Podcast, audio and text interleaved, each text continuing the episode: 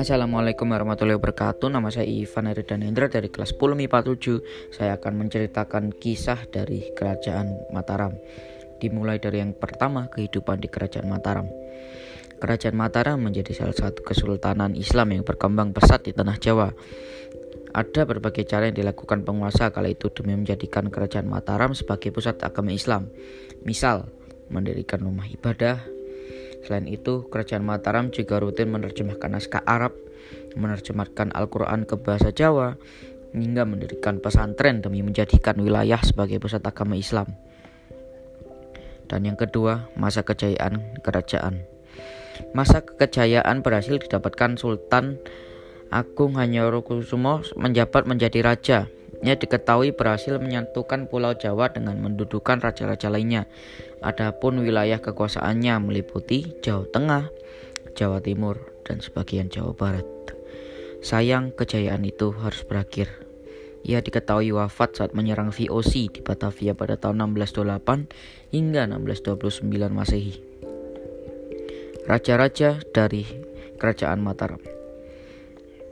Yang pertama adalah Sutawijaya atau dikenal juga dengan Panembalan Senopati kala ia menjabat di Asia melakukan ekspansi ke beberapa daerah untuk mengembangkan wilayah. Bahkan para penduduk di daerah yang dilakukan harus menganut agama Islam.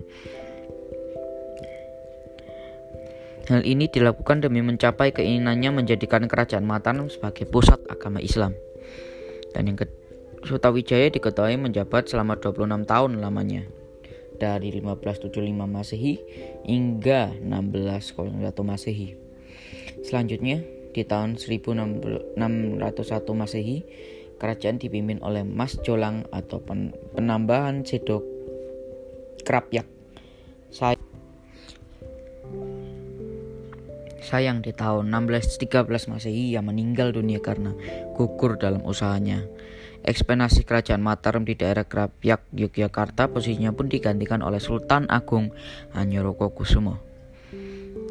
Sultan satu ini menjadi raja terbesar dari semua pemimpin kerajaan Mataram. Namun di tahun 1645 men ia Masehi ia meninggal dunia karena usahanya merebut Batavia. Selanjutnya, kepimpinan dipegang oleh Amungkrat I yang tidak lain adalah anak dari Sultan Hanyorokokusumo. Ia memerintah kerajaan Mataram mulai 1645 Masehi hingga 1677 Masehi. Terakhir kepemimpinan dilanjutkan oleh Amungkrat II hingga akhirnya kerajaan Mataram mengalami keruntuhan. Ke yang keempat, keruntuhan. Runtuhnya kerajaan Mataram Islam dikarenakan hubungan dengan para kolonial Belanda atau VOC yang tidak baik. Diketahui Belanda mulai menguasai sebagian besar wilayah kerajaan Mataram saat Raja Amungkurat II memimpin.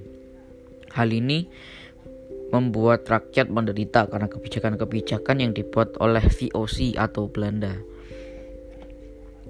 5. Peninggalan Kerajaan Mataram Ada banyak peninggalan dari Kerajaan Mataram Islam yakni Masjid Agung Gede, Kauman di Yogyakarta hingga Masjid Agung Surakarta di Solo. Selain itu, ada juga kitab sastra Keding yang menjadi sumber sejarah kerajaan Mataram Islam. Dalam kitab yang ditulis oleh Raja Sultan Hanyorokokusumo dari kerajaan Mataram, dikisahkan bahwa setiap orang harus menjadi pribadi yang sopan dan santun, baik di keadaan apa pun. Sekian dari saya, nama saya Ivan Hendra. Sekian, terima kasih.